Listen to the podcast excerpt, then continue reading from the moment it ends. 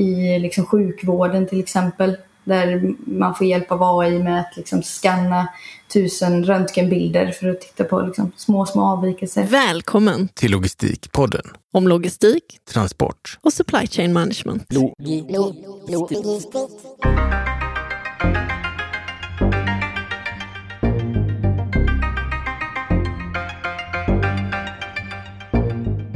Varmt välkommen till Logistikpodden. Hur skulle du ställa dig till att ha en AI som chef egentligen? Idag träffar PO Karin Nilsson som forskar i arbetsmedicin på KI. Hon studerar hur algoritmiskt ledarskap påverkar arbetsmiljön i logistikbranschen. Så det här är någonting du inte vill missa. Men innan dess så ska vi bara säga hej till Excitec, vår eh, partner som du fick höra lite om redan förra gången och nu ska vi få reda på ännu mer om hur de hjälper sina kunder. Förra avsnittet så fick vi möjligheten att lära känna Excitec lite bättre och vi har med oss vdn Johan Kallblad idag också och eh, ska få veta lite mer om vad det är för problem de egentligen löser och hos vilka kunder. Varmt välkommen Johan! Tack så mycket! Kul, kul att ni ville ha mig tillbaks. vi tycker alltid om folk som återvänder till Logistikpodden. Eh, jag tänker att vi fick reda på lite vad det är för typ av eh, produkter som ni hade i förra omgången. Eh, men kan du ta något exempel på en kund hos er? För att då blir det ju lite tydligare exakt vad det är man levererar. Mm. Vi, vi har ju väldigt många kunder. Vi jobbar ju med medelstora företag egentligen, kanske från en 50 eh, miljoner i omsättning ungefär. Och det finns ju flera tiotusentals sådana på vår, eh, på vår marknad. Då. Vi har nästan 4 000 aktiva kundrelationer. Men, men jag tänkte några lite mer namnkunniga är väl vettigare att, att prata om. Då. Så, men ett exempel som ligger mig faktiskt varmt om hjärtat det är begravningsföretaget Fonus och det som vi har gjort eh, med dem. De är även för övrigt en stor familjejuridisk verksamhet. För det, det är ett intressant eh, case. Dels eftersom, för jag pratade ju i förra avsnittet så nämnde jag lite om att vi försöker göra, bygga upp ganska komplexa IT-stöd men av ganska enkla delar, alltså komponentbaserat så att det ska vara så enkelt som möjligt för användaren att använda systemen och så att vi ska kunna hålla leveranstider så bra som möjligt genom att inte göra systemen och projekten alldeles för stora. Men Fonus är intressant för, för det första, det är Sveriges största Eh, begravningsföretag, överlägset eh, största. Då. Eh, och det är ganska kanske uppenbart och solklart att det inte finns något eh, färdiggjort liksom skräddarsytt, kundan, liksom skräddarsytt begravningssystem för marknadsledare i ett land som Sverige.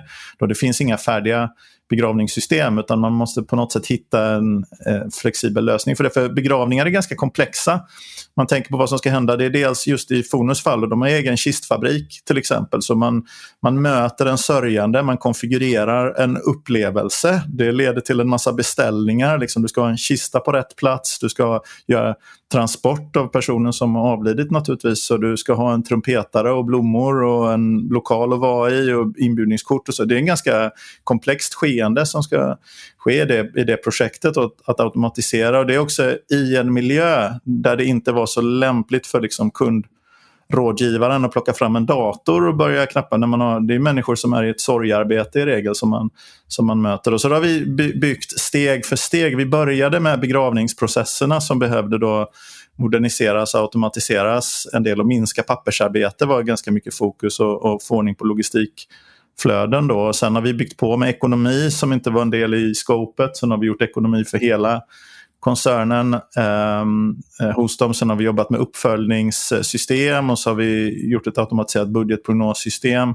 för dem. Så vi har byggt på i den i flera komponenter över kanske fem, sex eh, års tid. Då. Så det, det är ett sånt som jag är ganska, ganska stolt över. Även om graden av igenkänning är sannolikt ganska liten för er typiska lyssnare. Men det är en komplex, ehm, eh, en, en ganska utmanande logistiksituation som, eh, där det måste bli rätt. Jag har inte reflekterat över det här tidigare, men du har ju helt rätt i det. Alltså det får inte gå fel, du har en enda chans och du, du får inte missa någonting. Så att för den som arrangerar, den, den, professionella i den här relationen som alltså arrangerar flera begravningar per dag, för den personen så är det viktigt att det finns processer såklart och att det finns ordning och reda och att man har koll på allt, men också att man kan hitta en storskalighet i det man gör.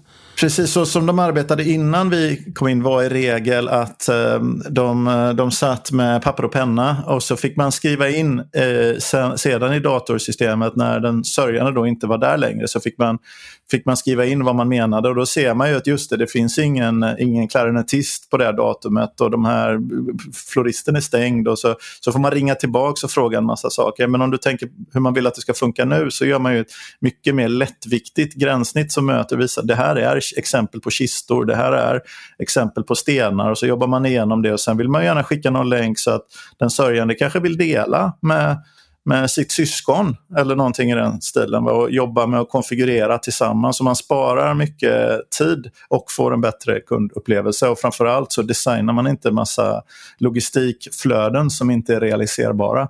Utan systemet har ju valideringarna direkt. För papper, ni vet ju, papper och penna är väldigt flexibelt men dåligt på valideringsregler. Jag tror att även om man kanske inte jobbar i den här branschen själv så tror jag att många kan känna igen sig i de här flödena. Det vill säga att man har många olika beroende och man, saker som eh, ska stämmas av med kund och det måste bli rätt från första gången. Men jag tänker, ehm, för att bredda lite, vad är det för andra typer av kunder ni har som kanske har samma system eller något liknande?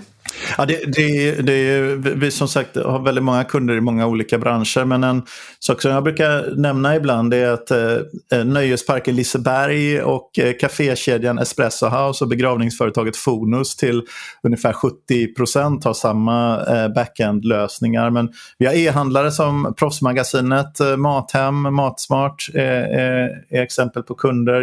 En av mina favoritkunder är Eh, för övrigt, jag skulle kunna prata om Liseberg faktiskt. Det, det är lite intressant för det, det, är också en svår verksamhet som är där, man, där logistikproblemet, till skillnad från hos Fonus kan ju logistikproblemet framstå som nästan liksom trivialt där man ska fylla på med de här lyckohjulen och så vidare med olika olika saker som, som ska finnas. Då. Men, men eh, det, en svårighet för dem är att de har 2 500 om jag minns rätt, eller 3 000 tillfälligt anställda varje sommar. Och det är inte samma anställda som du hade förra sommaren. Och de ska komma in och kunna använda systemen direkt för att använda manuella processer är ju kanske skalar ännu sämre för dem. Och det är också samma sak där. Vi som besökare i nöjesparken ska ju inte få liksom deras IT-system nedtryckta på oss utan vi ska ju ha en glädje en, en, en upplevelse som inte är så styrd av IT. Men om IT-systemen tar bort onödig administration på, på, i baksidan så kan ju nöjesparkens anställda eh, jobba med sånt som tillför värde till oss. Annars är en av mina favoritkunder är ett litet företag som heter Ibeco i Borlänge som har, vi har jobbat med också i 5-6 år och, och, byggt på deras stöd. De har vuxit från eh, 20 miljoner i omsättning till 150-200 miljoner i omsättning och byggt på, så här, precis som man önskar sig, kunder växer, bygger på automation, så börjar man med inköpsoptimering, så börjar man med lagerhantering och så börjar man med faktura, automation och så vidare. Så det, om alla mina kunder kunde växa så, så vore mitt jobb väldigt, väldigt enkelt. Då tror jag att ni hade haft en rätt så stor kundrusning också om det var någonting ni kunde lova en sån tillväxt också. Men jag tänker, eh, jag tror att de flesta logistiker, precis som mig, kittlas av de här exemplen som du har gett. Om man vill veta mer om företaget Excitec, var ska man gå då? Ja, då ska man gå in till dels på, på webben då, www.excitec.se och då är det bra om man kommer ihåg eh, från förra avsnittet Nina, där jag berättade om varför vi, exciting, inte, varför det inte stavas exciting utan med EXS eh, istället. Då. Eh, men vi finns också i andra digitala kanaler. Om man tittar på hur det är att jobba hos oss så är Instagram en, en plats där vi lägger ut mycket och sen LinkedIn har jag själv eh, varit ganska aktiv på. Vi lägger ut ganska mycket där. Så jag tror man, eh, men på vår webb eh, eh hittar man väldigt mycket om vad vi gör. Ja, men jag har gått igenom det. Ni har en lång lista av kundcase på er hemsida och det är alltid kul för oss nördar att grotta ner oss i. Eh, alla de här individuella företagen som ändå har generiska problem.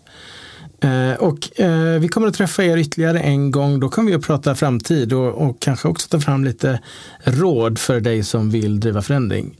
Så att ett stort tack så länge till Excitec för att ni hjälper oss att sprida kunskap om logistik, transport och supply chain management. Tack så mycket.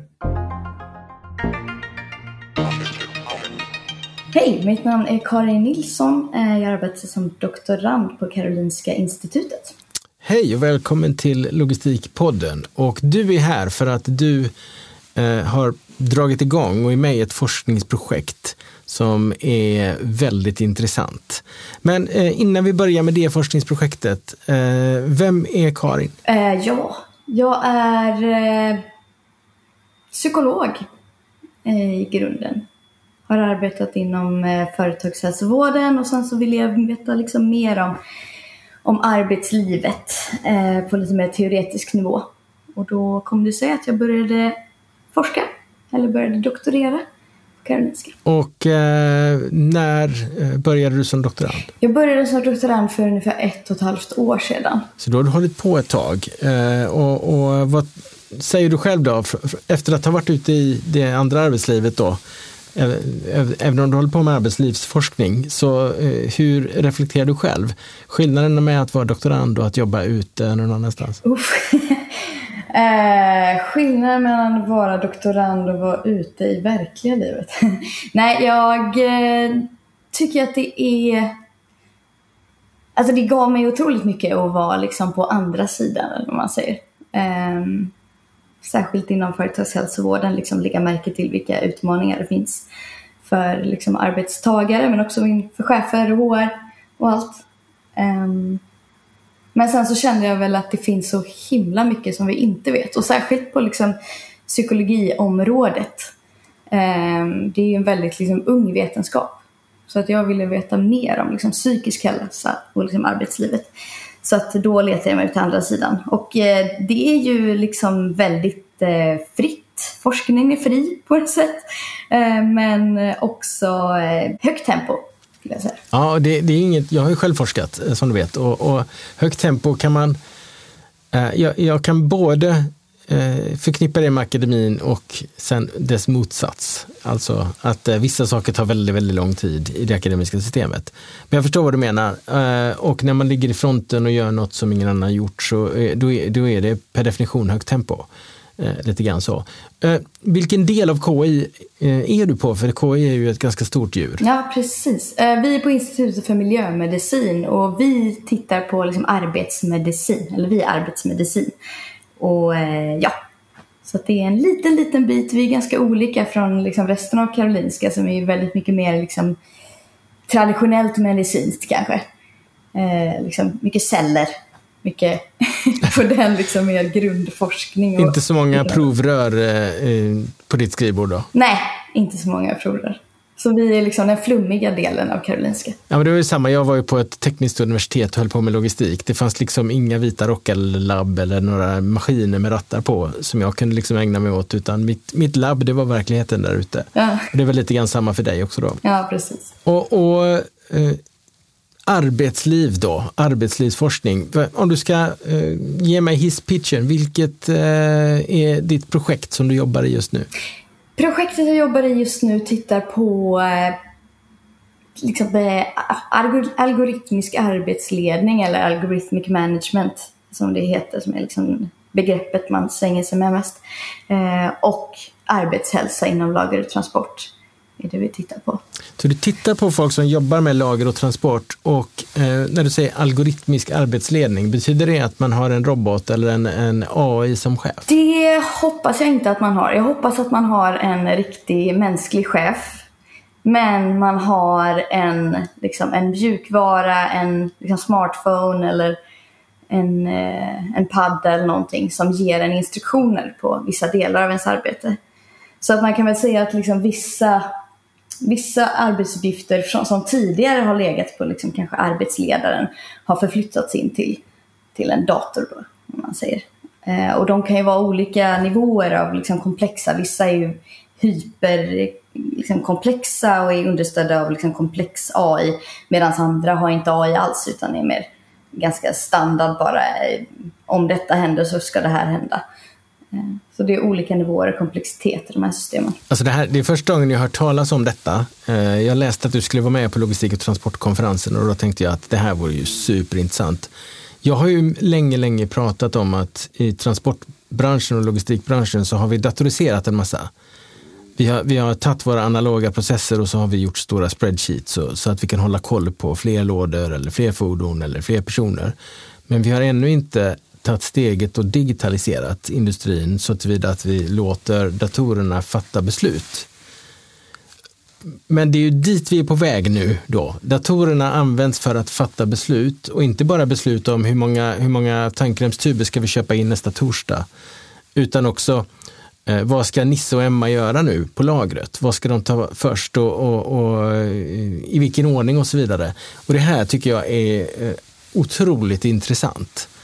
Och, och, eh, innan vi går in lite grann på själva projektet, för det är jag superintresserad av att veta mer om. Du nämnde att det här området existerar. Är det ett stort område eh, vi pratar om eller är det något som växer fram? Och det, och det är jättesvårt att få siffror på det där. Um, det finns liksom, man försöker ju liksom kartlägga då hur många liksom leds av, av liksom algoritmer då, när man säger, inom olika sektorer. Eh, men det är jättesvårt att få fram siffror. Jag såg liksom på, i typ Tyskland är det 12 procent medan det i Spanien är 24 var det någon ganska nyligen som kom fram till. Men då är det ju in i liksom hela, liksom, eh, vet du, i alla sektorer. Så inte, inte specifikt lagtransport. Vi försöker ju få fram hur många som eh, blir ledda av AI, liksom algoritmer inom specifikt lagertransport. transport. Men det kommer vi inte få reda på förrän vid vår nästa eh, delprojekt där vi ska kartlägga liksom, förekomst. Eh, eller en del av uppgiften är att kartlägga förekomsten. Så det är svårt att säga, men det finns ju, alltså Amazon, liksom deras lager har ju varit lite liksom eh, de, de som har pratat om algoritmisk ledarskap eller algoritmisk arbetsledning har ju ofta tagit fram den som ett exempel på det. Um, så att, och det blir ju mer och mer eh, spritt i Sverige också, har vi lagt märke till. Eller tror vi i alla fall. Amazon är ett av de företagen som alla lyfter fram, för de är ju i grund och botten ett digitalt företag, även om de har en enorm fysisk footprint liksom, och de har hundratusentals anställda, eh, eller minst hundratusen i alla fall. Eh, och, och, eh, såklart, de använder algoritmer för att fatta en massa av de här besluten. Jag har tidigare pratat om det i podden här också. Men eh, finns det ett vetenskapsområde kring detta? Eller är det, är det något som håller på att växa fram? Eller finns det, har ni någon, har ni någon konferens som ni åker på varje år för att eh, avhandla med andra kollegor runt om i världen vad som är det senaste inom det här fältet? Eller är det, en, eh, är det något som håller på att växa fram? Ja, men det är det. Alltså, det är verkligen ett, liksom, de brukar prata om att det är ett buzzword just nu, liksom, algorithmic management. Eh, och många liksom, konferenser som tittar på arbetsliv i stort och liksom, psykisk hälsa eller hälsa i stort eh, har ju ofta så specialspår nu med liksom, AI och algoritmer inom arbetslivet. Eh, sådär.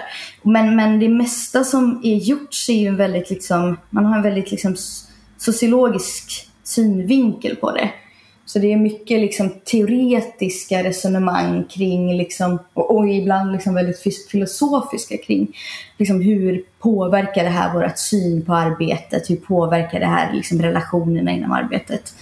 Eh, och den det forskningsfältet kan jag också uppleva är ganska liksom, dystopiskt. Att man liksom ser framför sig de här liksom, stora lagerlokalerna där liksom en förslavad arbetskraft går omkring hålögda. Um... Jag tänker på The Wall helt plötsligt. Så liksom, inom det som vi tittar på är ju liksom arbetsmiljö och hälsa och vi försöker göra mer empirisk forskning. Eh, och, och, och det betyder då att man liksom inte bara har de här teoretiska filosofiska resonemangen utan vi försöker gå ut och titta på hur, hur är det faktiskt på de här lagren. Um, och det är ju inte bara liksom de här stora gigantiska e-handelsföretagen som har olika nivåer av den här algoritmiska arbetsledningen utan det finns på mindre ställen också. Alltså det här är ju superintressant. Eh, eh, hur kommer det sig att ni valde eh, lager och transport som bransch? Vi diskuterade mycket kring det och upptäckte att den mesta forskningen är gjord på plattformsarbete eller gigarbete. Så till exempel liksom Uber-chaufförer eller Foodora, eh, liksom mat, sånt som levererar mat med Foodora till exempel. Att den typen av, där är det väldigt utbrett med algoritmisk liksom, arbetsledning. Den, är liksom, den vilar ju helt på det. Eh, och de här personerna är oftast ingen chef överhuvudtaget. Men när vi tittar lite på liksom hur det ser ut i resten av liksom de mer konventionella arbeten, men med konventionella liksom anställningskontrakt, då såg vi att det finns väldigt lite gjort. Och i Sverige tror jag inte det fanns någonting, eller vi hittade ingenting som var gjort. Så vi försökte lyska lite på liksom, var är det mest utbrett då? Och då eh, kom det snabbt, ganska snabbt framåt. Liksom. Ja, men la, inom lagerarbete är det ganska utbrett. Inom transporter är det också ganska utbrett. Um, så att de verkar ha varit tidiga på bollen med de här sakerna. Uh, men väldigt lite forskning gjord så att därför ville vi gå in där och titta på hur det fungerar. Ja, det är jättekul och, och eh, snacka om att det behövs mer forskning av den här typen i den här branschen. Eh, och, och Forskning kan ju vara för de som inte eh, är, är, är liksom familjära med olika termin, terminologi inom forskning. Så, men forskning kan ju vara många olika saker. Om vi ska förklara för, för de som lyssnar. Eh, dels kan det ju vara att man, man eh, i princip står i en, med en vit rock vid sidan om ett system och antecknar allt som händer och försöker förklara det man ser. Men man blandar sig inte i eh, det man ser utan man går tillbaka, gör sin analys och kanske tar hjälp av litteratur och så vidare och så tolkar man det och så, så kommer man fram till en teori att eh, eh, det här hände på grund av det och det och det. Så. Och det är ganska så deskriptiv forskning, det vill säga man, man beskriver något som är och man försöker liksom sense making. Men sen finns det något som kallas för normativ forskning också och då, då tar man det ett steg längre och säger att så här borde det vara. Vi vet vilka designprinciper som funkar bäst på grund av och så vidare. Var skulle du placera dig någonstans? På den här skalan deskriptiv, normativ? Mm, um, intressant fråga. Alltså vi vill ju ändå att vår forskning ska göra praktisk skillnad. Liksom.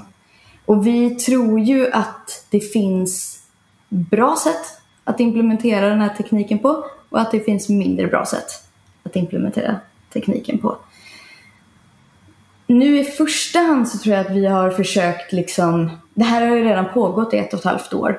Så vi har varit ute på företag och vi har pratat med chefer, vi har pratat med liksom tekniker, vi har pratat med arbetare, vi har pratat med, med också liksom arbetsgivarorganisationer och vi har pratat med fack. Så vi har försökt få liksom en tydlig bild av vad det här handlar om.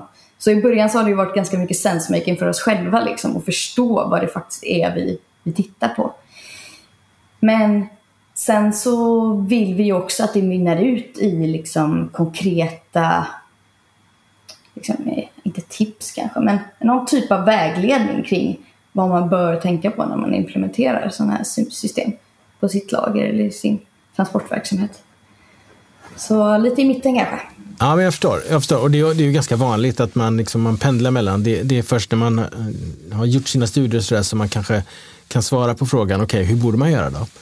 Eh, och det är då man eh, går in och blir den här normativa. Och det är dit forskare vill ofta. Man vill kunna bli den där experten som kommer in i ett rum och berättar att det där är fel, så här ska ni göra. För det har jag visat med mina eh, studier då till exempel. Uh, nej, men, så är jag med. men, men sen, det finns ju något som kallas för aktionsforskning också. och då är det ju um, Låt säga att man har en råtta som ska springa i en labyrint. Så kan man ju då släppa ner råttan i labyrinten och börja ta tid och se då, okej okay, om man lägger lite mat borta i hörnet där, springer det fortare då och så vidare. Och, och aktionsforskning, då handlar det alltså om att då hjälper man. Då hoppar man ner i labyrinten och säger till den här råttan, du, till höger här borta, för jag vet en genväg. Det, det, det, är det jag kallar aktionsforskning, eller det som kallas aktionsforskning. Det vill säga forskaren är inte en passiv observatör, utan forskaren är någon som jobbar med och använder sin expertis och kanske sitter med i projektteam och, och, hjälper den organisationen man studerar. Och under tiden för man då dagbok och så man blir lite mer av en antropolog eh, snarare än en observatör. Eh, men det där är ett metodval man gör. Eh, när ni studerar den här typen av system, hur förhåller ni er till den typen av eh, metodval? Studerar ni eller hoppar ni ner i labyrinten, kavlar upp ärmarna och hjälper till? Nej, nej. Vi, vi försöker Alltså det är ju alltid en, en vågskål. Liksom. Bara genom att ställa vissa frågor så kan man ju ge en hint om vad man liksom själv anser är viktigt.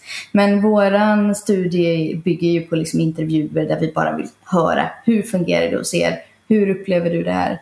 Hur eh, beskriver den här personen Eh, den här arbetsprocessen till exempel och hur beskriver den här personen att det påverkades välmående till exempel. Så att vi är inte nere i, i labyrinten. Förhoppningsvis. Inte, det är ingen medveten strategi att vara nere i labyrinten igen. Ja, för de som har valt det så är det nog det. Eh, att, att, välja konstforskningsspåret, då är det, det, då, då, det finns liksom ingen väg tillbaka. Har man, har man gjort det, då, man, då är man inte den passiva observatören längre, utan då är man en del av systemet man jobbar i och då försvinner vissa metoder och vissa andra metoder blir helt plötsligt valbara och möjliga att använda. Då. Så att, eh, och metod då för er som tycker att det här är nördigt, och det är nördigt. Eh, metod, eh, det är forskningens verktygslåda som gör att man kan lita på de svaren man får baserat på den metod man har valt. Det är ju som man frågar får man svar. Så att det, det är det jag alltid brukar säga till examensarbetare och annat. Alltså metod, när de beskriver sin metod, att de ska svara på två frågor. Nummer ett, varför ska jag tro på det här?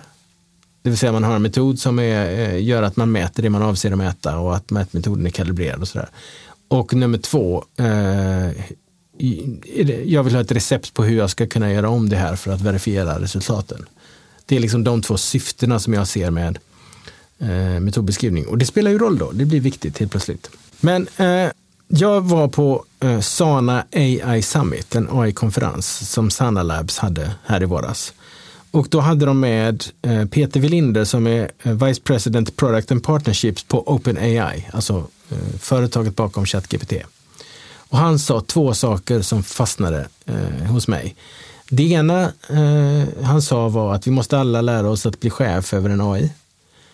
Eh, det vill säga de AI ska jobba åt oss och inte tvärtom. Eh, det andra han sa, och då var det väl en exemplifiering, är att om du har en bild av ett drömhus som du vill bygga, eh, så anlitar du en arkitekt. Och den arkitekten vet precis hur man ritar hus, hur man uppfyller byggnormer, eh, hur, hur tjock en viss balk behöver vara för att den inte ska, andra våningen inte ska rasa ner när du ligger och sover och så vidare. Men arkitekten har ingen aning om hur du ser ditt drömhus. Att du vill ha ett stort och luftigt kök och bla bla bla. Allt, allt det med havsutsikt och så. Men tillsammans så skapar ni det här huset då. Eh, för, och bägge två behövs. Och då var hans liknelse att arkitekten, det är liksom eh, den här AI då. Som du kommer att behöva interagera med. Eh, men att du själv som människa är den som äger agendan och vet allting om varför. Har du stött på den här analogin tidigare? Nej, det har jag inte. Det har jag inte. Och så här, jag tänker att det, det är väl en, en rimlig, eh, det är ett rimligt sätt att formulera det tänker jag. Eh, så länge liksom drömhuset då, om jag som eh, person som ska bygga det här drömhuset och anlita den här AI-arkitekten, att jag ber om rätt saker. Alltså så här, det är ju svinbra att ha en, en, en super nu vet jag inte hur långt jag kan dra den här liknelsen innan det blir absurt. Men om man har alla bitar på plats är väl det superbra. Men då tänker jag att det finns en massa saker som vi behöver ha i källan som man kanske när man bygger sitt drömhus inte kanske spontant tänker på. Utan då måste det finnas en massa olika professioner när man bygger. Det räcker inte bara att jag liksom entreprenören och du AI liksom eller du som bygger systemen är med utan vi behöver ju ha kunskap från människor och, och eftersom jag då kommer från arbetsmiljöhållet så vill jag ju ha människor som har superkoll på arbetsmiljö, arbetshälsa för att förebygga olycksrisker, för att förebygga liksom, eh, psykisk ohälsa etc. Så, men om alla de bitarna finns med så är väl det en bra liknelse. Ja, och nu, nu kommer jag in på, nu blir vi filosofiska igen här, men, men eh, eh det svåraste är ju unknown unknowns. Det är jättelätt att veta det man inte vet, för då kan man googla och så, har, så vet man det. Eh, jag vet att jag inte vet eh, hur rördragningen ska vara i ett hus. Det kan jag googla fram. Men att det, det just finns saker som jag inte vet att jag inte vet. Eh, de är lite svårare att få tag på. Och det är väl där man kanske skulle kunna få hjälp av en sån här expertfunktion. Då. Men det här var en liten parentes för att, eller ja, kanske inte. Vi pratar om AI och algoritmer och hur de hjälper oss människor. Ni har börjat, ni har hållit på i ett och ett halvt år i det här projektet nu. Eh, så ni börjar ju se lite resultat antar jag, eller hur? Ja, lite. Lite. Eh, och, och, om du då skulle berätta lite grann, vad är det ni har studerat och vad har ni kommit fram till? Ja, men vi har varit ute i två stycken företag eh, som har implementerat eh, algoritmisk arbetsledning då, eh, någon typ av. Och så har vi varit inne och vi har intervjuat eh, arbetare Vi har intervjuat, ja, som sagt, tekniker, chefer på båda de här arbetsplatserna. Och sen så har vi försökt liksom jämföra lite. Hur är liksom utfallet då? Hur upplever de här arbetarna från de här två olika ställena hur det är att ha liksom den här algorithmic management. Eh, ja, hur beskriver de att det påverkar deras arbete? Hur beskriver de att det påverkar deras välmående, deras arbetstillfredsställelse och så vidare. Eh, så att det har vi gjort. Vi har också liksom analyserat de här intervjuerna. Vi har kommit fram till lite, vi har resultaten. Vi har också en artikel som kommer komma inom kort, förhoppningsvis. Eh, så att vi har väl vi har en del resultat som vi vilar på just nu. Och eh, Jag är lite nyfiken på hur företag så att säga säljer in eh, den här typen av, av beslutsfattande till de anställda. Om det är företag som konverterar från att ha då kanske schemabaserad planering eller någon, någon annan form av mycket enklare planering som egentligen går att reducera ner till papper och penna, eh, som mycket av planeringen gör, till att ta steget över och bli styrda av algoritmisk planering där man inte kan reducera ner det längre för det är för komplext. Eh, jämför det med företag som Uber då som alltid har kört algoritmiskt. Det är en del av deras affärsmodell. Har ni, eh, har ni tittat på bägge de typerna? Ja, alltså de två företagen vi har varit ute i är precis de. Den ena är byggd med liksom förutsättningar, eller liksom, är byggda kring tekniken eh, och är byggda kring den algoritmiska arbetsledningen. Medan den andra är mycket äldre företag som har implementerat det och liksom ersatt den här tekniken med, eller från, eh, från papper och penna till den här nya tekniken. Um, och liksom hur de, vad var din fråga? Hur man har sålt in det till? Ja, dels, dels skillnaderna såklart, men också hur säljer man in eh, detta till eh, en arbetsstyrka som är van vid att arbeta på ett visst sätt? För det här är ju en rätt stor förändring. Um, ja, alltså när vi pratade med då det här ena företaget som, eh, som gick från papper och penna till den här tekniken så har det ju varit en, eh, ja men det var nog en ganska liksom eh, det var en process där man liksom involverade arbetstagarna på ett väldigt liksom tidigt skede, involverade facken och så kan jag gissa att det var en ganska lång process med att liksom övergå till det långsamt. Liksom. Och hur man säljer in det, jag tror att det bästa, alltså så som, så som jag förstår nu är jag inte helt säker så det, det, här kan vara lögn. Eh, men jag har för mig att det var väldigt mycket som att så här, det här behöver vi göra för att kunna liksom konkurrera. Det här behöver vi göra för att få upp effektiviteten. Och så här, min gissning, det här är gissning, eh, är att, att liksom föra in det på det sättet och vara så ärlig som möjligt med vad ens intentioner är, är nog en vinnande koncept. Istället för att säga att liksom så här, det här kommer vara så spännande för er att jobba med den här spännande tekniken. Och det här kommer ge er mycket, mycket roligare och spännande arbetsuppgifter. Eh, och sen så blir det kanske inte så. Eh, så att jag tror att, att i alla fall i det här, vi har ju bara som sagt två, vi har bara varit ute hos två olika företag. Så utifrån våra resultat så kan jag ju liksom inte ge någon större liksom, generaliseringar kring hur man bör göra eller hur, hur de flesta gör. Men... Jag förstår. Eh, något man kan tänka sig eh, och som jag antar förekommer som argument då när man säger att nu ska vi införa detta eller, eller eh, nu ska vi växla upp det här det är att med en eh, algoritmisk styrd planering så kan man uppnå andra fördelar för individerna.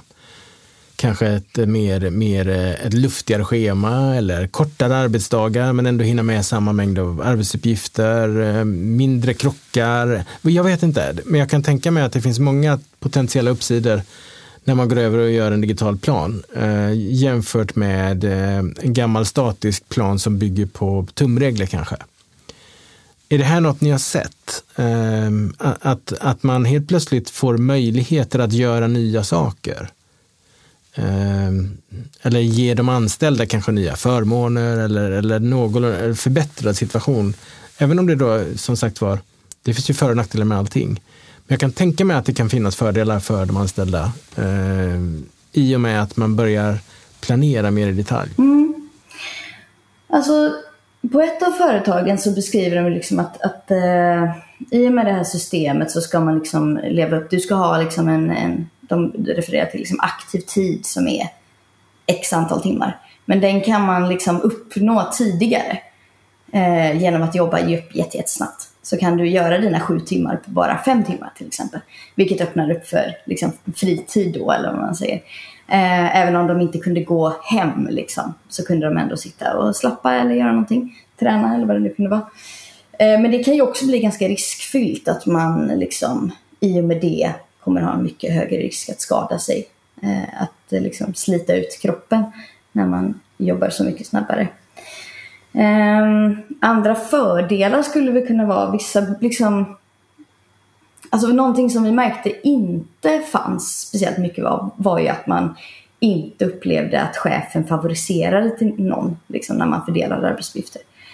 Eh, och då, det kan ju vi gissa då är att man, man insåg ändå att de här eh, processerna är objektiva. Eller i och med det här att det är väldigt, det är ju slumpmässigt. Vem som får göra vad är helt upp till slumpen. Eh, I bästa fall. Så att avsaknaden av så här, jag är så trött, jag får aldrig den här rundan som är den bästa. Liksom. Avsaknaden av det skulle kunna vara en positiv grej till exempel. Eh, men vi, det var inte så jättemånga positiva saker. Eh, men det var heller, på, på en av företagen var det heller inte jättenegativt. Liksom. Man såg inte några stora fördelar, man såg heller inte några stora nackdelar. Har, har ni mätt liksom lite makro-KPI här som typ eh, kostnad per år eller någon form av eh, performance eller något liknande? Eh, eller det kanske andra som har gjort också? Eh, när man ser skillnaden då, okej, okay, var det bättre för företaget efter ett år eller två år? Nej, det har vi inte gjort. Vi, nu i det första steget så har vi bara försökt undersöka hur arbetarna upplever sitt arbete och hur arbetarna upplever att det liksom förbättrar eller försämrar deras arbetsmiljö. Så vi har inte tittat på några liksom sådana eh, objektiva data eller liksom produktionssiffror eller något sånt. Tyvärr. Men eh, det tänker jag att det kommer säkert göras i framtiden. Ja, det kan ju vara intressant att veta liksom bang for the buck, är det värt det? Eh, ja, det ger en 2% i produktivitetsökning men det visar sig att, att eh, vi har ett mående hos de anställda som är liksom 10 sämre. Eh, eller sjukskrivningstalen går upp, eller vad vet jag. Eller personalomsättning går upp. De typen av mått är ju ändå eh, indikatorer på om, om, personalen mår bra eller inte. Ja, absolut. Också tidigare forskning har ju visat på att produktiviteten går upp. Eh, jag tror att liksom den studien som många refererar till har varit mer av en liksom experimentell studie. Så jag tror inte man har tittat på, på eh, faktiska företag och deras faktiska liksom, eh, omsättning eller vinst. Men eh, det kanske finns. Jag har ju varit väldigt fokuserad på liksom, arbetsmiljö och mående. Så att eh, just nu har vi inte intresserat oss så mycket för det. Tyvärr, även om det är jätteviktigt och intressant såklart. Och du säger att ni har hållit på ett och ett halvt år. Hur långt är projektet? Eh, projektet är tre år. Eh, sen så har vi en, ett annat projekt som har precis startat igång som är ett sexårigt projekt istället. Eh, så där kommer det vara en mycket, mycket större skala och det är också ett eh, internationellt samarbete med flera andra universitet. Men jag tänkte på också att jag dyka tillbaka till det här med eh, som du pratade om, liksom personalomsättning till exempel, som är extremt kostsamt. Alltså en tanke som vi har haft och som man också har indikationer på är ju också att när man förflyttar väldigt mycket av liksom kunskapen och erfarenheten från liksom arbetskraften in till de här systemen. För att det blir ju så i praktiken att nu är det systemen som vet var saker ligger. Till exempel så finns det ju sådana lager som är, nu vet jag inte, kommer jag inte ihåg vad det heter, men de är liksom väldigt kaotiskt eh, eh. Ja, när man har slumpvis placering eh, av, av artiklar. Man, man måste scanna allting. När, man, man scannar produkten och man scannar lagerhyllan. Och då har man kopplat ihop en låda med en viss plats. Men det finns inte det, det, det, finns ingen fast plats att mjölkkartonger ska alltid stå där borta och bröd ska alltid vara där som i en mat, mataffär utan allting är kaotiskt. Och det kan man räkna på att det är ganska effektivt ja, att precis. göra så. Eh, och då är det ju liksom de här systemen som vet var allting ligger någonstans. Eh, så att liksom, den här systemen har kunskapen kring liksom, hur det ska göras och på vilket sätt det ska göras och i vilken ordning, hur snabbt det ska gå etc. Så att liksom, kunskapen förflyttas ju mycket från liksom, individen eller arbets Eh, tagarna till systemen. Eh, vilket gör att det blir väldigt billigt, upp, liksom beskriver många, att liksom ta in nytt folk. För att det är en sån himla snabb inlärningskurva i att bara lära sig det här lilla systemet. Så att det blir också mindre kostsamt att bli av med folk. Vilket kan vara liksom en risk för arbetsmiljön. Att liksom, man tjänar inte lika mycket på att behålla folk som man gjorde innan. Nej, för det är ju så att, att ähm, ähm 20 års erfarenhet eh, helt plötsligt kanske inte spelar så stor roll då längre när man bygger in det i systemet. Och att det är systemet som har koll och fattar alla beslut. Det betyder också att man kan inte gå tillbaka till papper och penna. Ett sånt lager går inte att hantera med papper och penna. Fullständigt omöjligt. Ett lager där allting har sin hylla eh, och den aldrig ändras. Eh, det kan man ju styra med papper och penna. Och ett sånt lager eh, är antagligen också större till ytan för att man kan inte, man behöver mindre yta om man har en kaotisk placering än om man, allting behöver ha sin plats. För att sen har du en fyllnadsgrad i varje avdelning då som gör att den aldrig är 100% till exempel. Och då kommer du behöva en större lokal. Så att det finns många sätt att spara pengar genom att gå över på eh, den här randomiserade placeringen. Men nackdelen är att, då, att du kan, blir det strömavbrott så är du körd. Mm. Du, ja. kan inte, du kan inte hitta några grejer. Nej, precis. Och det var ju också någonting som de beskrev liksom, vid de tillfällen som wifi krånglar eller det finns sådana här liksom, döda dead spots i, i själva lagret där wifi når sämre till exempel. Då är man ju bara helt, då står det bara still tills det är igång igen. Så att absolut, det är ju en, en, en nackdel såklart. Sen tycker jag att transportbranschen just klamrar sig lite väl mycket fast vid de analoga modellerna. Som om det skulle liksom, eh, för så ofta är det inte saker krånglar egentligen. Eh, och det finns tekniska lösningar på det mesta. Och uppsidan är ofta så mycket större att faktiskt gå över och bli helt digital. Men på något sätt så finns det en motvilja mot det för man vet vad som funkar och man har fallback-lösningen, papper och penna hela tiden. Men det där håller på att försvinna i segment efter segment. Jag tycker att det är, den upplevelsen jag har fått är att det är väldigt piggt på både transportsidan och logistiksidan. Men det kanske är, för er som är inne i det, kanske så har en annan bild. Alltså tittar man på eh, transportsystemet i stort eh, så finns det eh, ganska stora krafter som vill behålla saker som de är. Det är stora balansräkningar, låga vinstmarginaler eh, och när man har de två tillsammans så betyder det att man har inte råd att fatta dåliga beslut. Har du 2% vinstmarginal så betyder det i princip att du tillbringar hela året med att täcka dina kostnader fram till 25 december, juldagen. Då börjar du tjäna pengar, en vecka per år. Det, det är en vecka av 52, det är 2% ungefär då. Så liten är marginalen och om någon då säger till dig att nu ska du investera eh, 20 procent av din omsättning i ett nytt system. Så säger ett transportföretag att det kan du glömma för då går jag back. Då lever inte, överlever inte jag ett år till, framförallt om det blir dyrare än vad du har sagt. Och det där håller tillbaka mycket av den här utvecklingen som gör att man, man klarar sig med papper och penna, man klarar sig så som man alltid har gjort. Man får administrera lite mer. Det är det man ser som är liksom nedsidan på det. Men nedsidan är mycket större än så, för man hålls tillbaka i produktivitet och vad man kan göra med informationen. Och Det är det man ser när ett bolag som Uber då dyker upp. Jag vet att de ännu inte är lönsamma, de kanske precis har börjat bli det. Men när de dyker upp och säger, nej men vi behöver ingen trafikledning. Vi har en, vi har en app som är trafikledning och som, som eh, dirigerar de som har appen nedladdade och kör våra bilar. Det, de eh, kommer att bli dirigerade av appen till närmsta ställe där de kommer att behövas. Eh, och då säger världens samlade taxibransch, men så kan man ju inte göra. Vi har ju en trafikledning, vi har en, liksom en person som sitter och fördelar vilken bil som ska ta vilket uppdrag och så vidare. Och då säger Uber, det kan man visst. Och sen visar de att det kan man visst. Och det är ju så en bransch förändras. Absolut. Sen så tänker jag att det är ju också man, man, man säljer in väldigt mycket teknik med någon typ av löfte att så här, det här kommer, det här kommer liksom göra ditt jobb mer spännande, du kommer få arbeta med den här tekniken. Alla de liksom mest monotona, tråkiga arbetsuppgifterna kommer försvinna och vi kommer absolut inte behöva göra oss av med något folk. Liksom. Det, här, det kommer finnas människor som kommer sköta den här tekniken. Liksom. Det ju, kan man ju känna att, mm, fast hela den här trafiklednings... liksom, personerna kommer ju då försvinna, eh, kan man gissa. I alla fall. Ja, på de bolagen som har den här funktionen och den kommer att datoriseras eller digitaliseras. Eh, och det är mängder med arbetsuppgifter som digitaliseras överallt.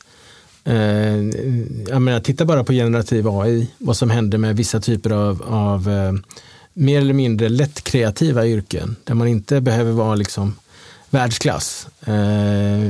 Att generera text, sportreferat Eh, i tidningar. Det var ganska länge sedan de började bli automatgenererade. de typerna av artiklar, för det är ganska enkla att referera. Så att eh, det kommer ju att komma. Det finns inget område som inte kommer att påverkas eh, på något sätt. Verkligen. Och jag tänker att det är också liksom kunderna som driver väldigt mycket det här. Liksom. Vi vill ha de här supersnabba leveranserna. Vi vill ha liksom, våra paket dagen efter vi eh, liksom köper det. Så att stå som konsument och bara vara så här, åh, hur kan de ha så dåliga arbetsförhållanden här? Det känns inte okej. Nej, fast det är liksom verkligheten när, när kunderna kräver snabbare och snabbare. Jag ska ha det här inom 30 minuter, jag ska ha det här inom en kvart. Eh, så det kommer ju vara någon som får stå för fakturan i slutändan. Tänker jag. Och då... Så är det, och framförallt då när ett system ska anpassa sig från att inte fungera så till att fungera så för att det har dykt upp en eller två nya konkurrenter som, som är mycket, mycket snabbare. Fast de jobbar med en helt annan bas, för sig, helt annan modell till exempel. Eh, då blir det ju brytningar och då skapas väldigt mycket konflikter såklart. Eh, och då har jag inte sagt att de här nya aktörerna gör allting bra, för det gör de definitivt inte heller alltid. Utan det finns mycket att säga eh, om det. En analogi som jag ofta använder, återkommer till, det är ju när man går från kontor, egna kontor till kontorslandskap. Det är typiskt en sån konflikt som dyker upp på många arbetsplatser.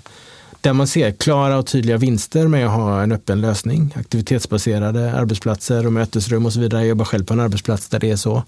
Min förra arbetsplats som var ett universitet, det var eh, tabubelagt att ens prata om det.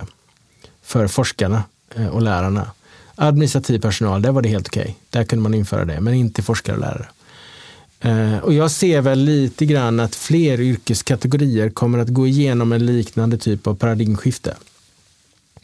Att man går från att, att äh, ha ganska stort självbestämmande och mycket kontroll över sig själv till att gå till ett läge där man blir en del av ett större system. Verkligen. Jag tycker att det är jätteintressant och det finns ju liksom en mycket liksom klassfrågor i det här också. Eh, vi tittar ju väldigt mycket på liksom, liksom blue collar arbetare eh, som är väldigt utsatta för det här. Och liksom de som står, liksom, eh, ja, men till exempel plattformsarbetare, de är ju liksom, har väldigt dåliga villkor såklart. Är liksom längst ner i, i pyramiden på något sätt. Um, du säger plattformsarbetare, det är gig workers? Då? Ja, precis. Liksom Foodora, ja. Uber, ja. det kan vara. Eh, men som du säger, liksom, att det är ju fler och fler inom liksom, eh, tjänstemannayrken som, där det liksom sipprar in mer och mer sånt här. Och det är ju svårt att prata, liksom, vad är algorithmic management då, eller algoritmisk arbetsledning och vad är det inte? Men en viktig del av det är ju den här övervakningen som sker. Eh, där man hela tiden, när jag jobbar inom, eh, inom ett lager då till exempel, så min prestation mäts hela tiden, jämförs med mina kollegor. Jag kan få liksom feedback på, nu är du liksom 10 sekunder sen, nu är du 20 sekunder sen. Så det är liksom en konstant övervakning, både var jag befinner mig rent fysiskt men också en övervakning av min produktivitet. Eh, och den typen av liksom övervakning sker ju också för tjänstemän. Det finns liksom exempel på eh, Eh, så övervakningssystem som mäter hur många procent av tiden man är aktiv vid ens tangentbord till exempel. Så att om man faller under 80 procent så får man en typ av varning till exempel.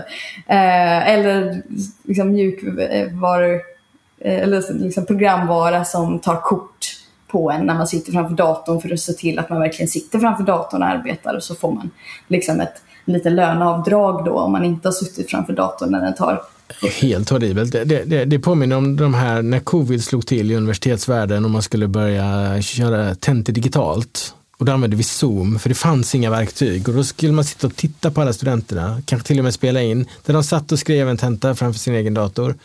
Problemet var ju inte att de eh, satt eh, och skrev tentor framför eh, sin datorskärm och att de fick inte röra sig och det fick inte vara några andra personer i rummet.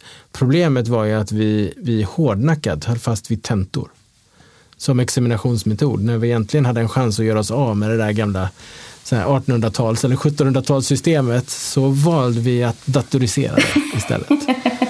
Vilket jag tyckte var ganska jobbigt då för att eh, man, man kan examinera på andra sätt. Och framförallt nu med, med eh, moderna, alltså med, med large language models, så skulle du kunna ha en teoretiskt sett en muntlig examen med 250 studenter samtidigt. Spännande. Faktiskt. Ja. Ja, ja visst skulle man kunna göra det. Så det, det, det, går ju att göra saker med den här teknologin.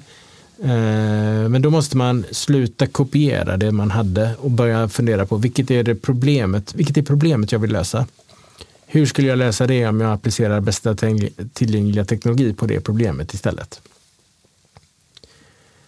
Eh, det, tycker jag är en sån här designprincip man borde eh, föra in lite oftare här och var.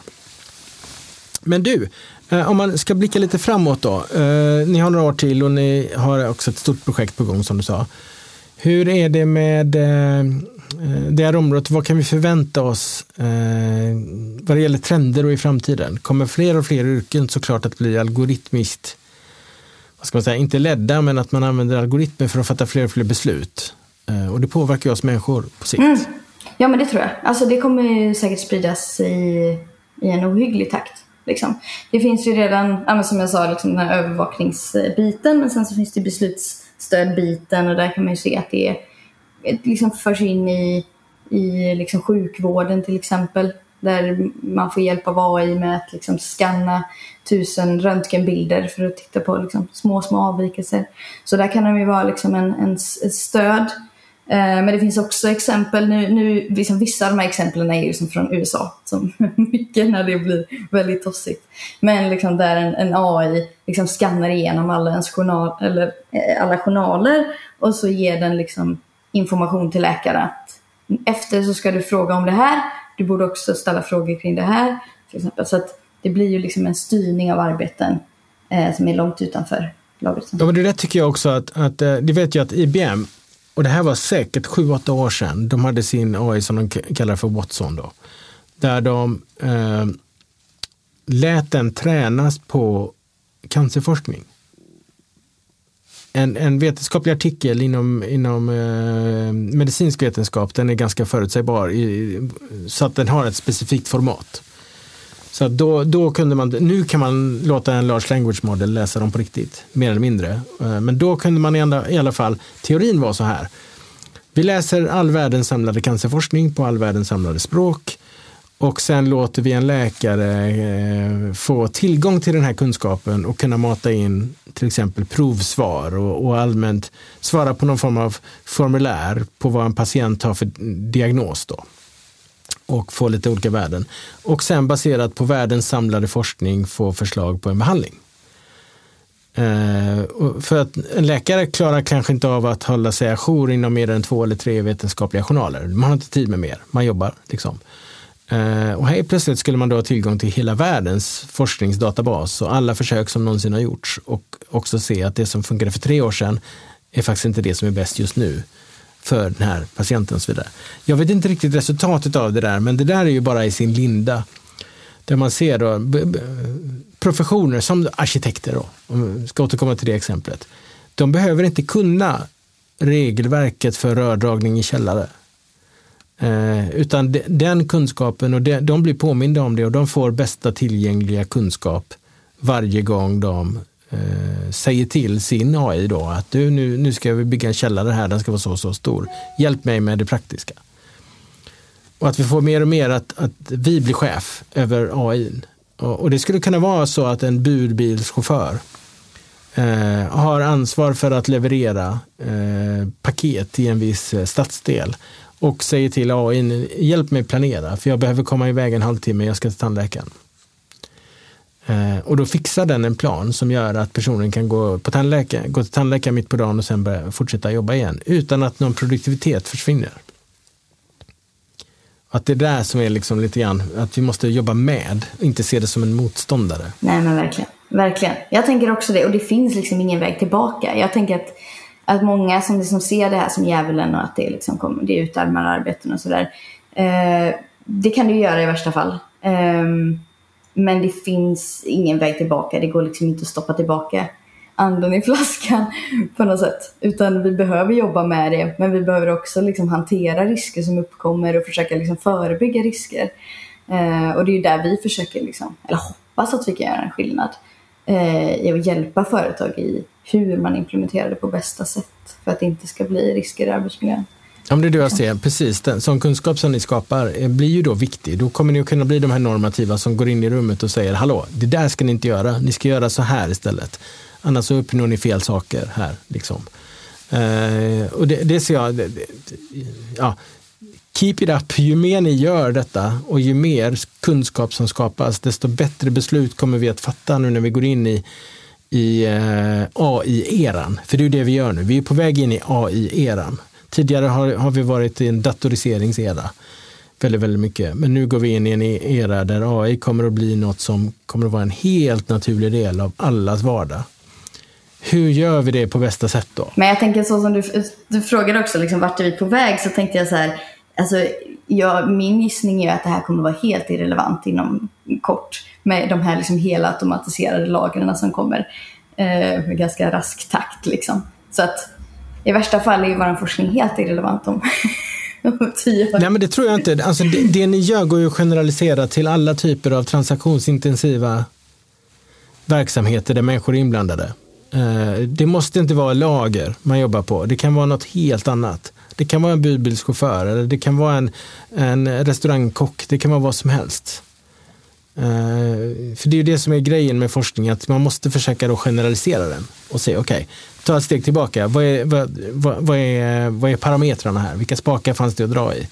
Ja, I det här fallet var det ett lager, men man kan säga att exakt samma sak händer i en, eh, på ett tvätteri på ett sjukhus. Eller vad, vad det nu kan vara. Mm. Ja, men jag tänker det. Det är ju samma principer som driver det. Det är ju någon typ av liksom, någonting som har funnits sedan 1800-talet i hur man liksom gick från liksom, hantverk till massproduktion liksom, det här liksom standardisering och specialisering av arbetet.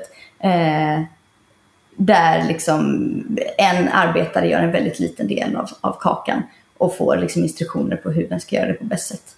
Så att det är ju liksom heller inget, inget helt nytt. Det är ju liksom bara Ja. Men nu ser jag då, om man, om man, säger, man, man gick från då en ganska komplex och ganska fragmenterad eh, syn på saker och ting. Allting var väldigt, tog väldigt lång tid och det var väldigt mycket kunskap och erfarenhet inbyggd. Och sen gick man över till massproduktion som du sa.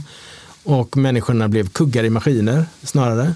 Och, och eh, det fanns liksom ett förutbestämt sätt att hur man skulle skala upp ett system så att det blev större och därmed mer ekonomiskt. Det vi gör nu med digital teknologi är att nu tar vi bort den eh, det bivillkor. Alltså nu behöver vi inte längre standardisera. Nu behöver vi inte bygga tusen exakt likadana bilar varje dag för att det är det mest ekonomiska. För nu har vi möjlighet att låta datorer hålla koll på alla varianter och allting som gör att vi kan faktiskt bli ännu effektivare utan att vi behöver då standardisera och göra allting exakt likadant. Så nästa era som vi är på väg in i nu, den är ju helt, helt annorlunda från den här industrialiseringen som vi såg. Som också gör att alla måste gå till, en viss, till ett visst hus för att eh, gå i skolan till exempel. Nej, eh, det finns inte en lärare egentligen i det här ämnet i världen. Det finns fem miljoner lärare i matematik för årskurs 1 till 3 som du har tillgång till. Varför ska du gå till just det huset där just den läraren finns? Nej, den begränsningen finns inte längre. Och vi kommer att se att fler och fler av de här begränsningarna kommer att lösas upp nu. Eh, så det, det ni forskar på det är ju superintressant och det visar ju på den här kraften i den här brytningen som finns. Men jag tänker även i, liksom, i hur det implementeras inom till exempel eh, lager då. Eh, det liknar ju på väldigt många sätt det som skedde liksom under 1800 och 1900-talet. Eh, sen så tänker jag att den här, eller det blir ju liksom en väldigt, det blir ett väldigt styrt arbete. Det blir en väldig liksom specialisering för den enskilda individen att jag gör bara den här biten. Eh, för det är det absolut mest effektiva sättet att göra det. Men sen så tänker jag så som du beskriver liksom att det finns ju möjligheter till någonting helt annat. Um, ja, så det ska bli jättespännande att se vart vi hamnar. Mm. Nej, för det, jag ser ju möjligheterna. Jag ser ju eh, vart den här teknologin kommer att tas. Vägen dit så kommer man att stå med en fot i det gamla och en fot i det nya.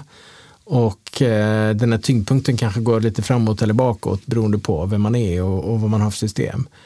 Och då kan man inte ta det här steget fullt ut. Man vill behålla kontrollen över det gamla samtidigt som man vill testa på det nya. Och jag tror att man behöver ta ett fullt steg då och då. Och då måste man lära om sig. Det finns inget sätt att, att göra det på något annat sätt än att du, du måste börja ja, komma till förståelsen att så som jag gjorde igår kan jag inte göra idag. Jag måste se över varför gör jag detta och hur skulle jag kunna göra det på bästa möjliga sätt nu när jag har de här nya verktygen. Precis. Ja, verkligen. Karin, det här var superintressant. Var kan man lära sig mer om er forskning? Man kan, eh, just nu har vi ingenting publicerat tyvärr. Och vi är så dåliga på digital närvaro så vi har faktiskt ingen hemsida för våra projekt än heller, men det kommer. Um, men om ni har liksom, den här stora forskningen också, eh, eller det stora projektet som startar upp nu, så vill vi jättegärna ha kontakt med en massa människor inom branschen. Eh, som kanske vill vara med och bidra till forskningen. Eh, så att man får jättegärna mejla mig på karin med ki.se. Eh, så om man har frågor om projektet eller vill vara med eller bara är nyfiken så får man jättegärna höra av sig. Och vi lägger en länk också i våra show notes eh, så att ni kan nå Karin och därmed komma i kontakt med henne och hennes kollegor så att ni kan lära er mer om det här projektet. Stort tack Karin för att du var med och berättade om det här otroligt spännande arbetet ni gör i Logistikpodden. Tack!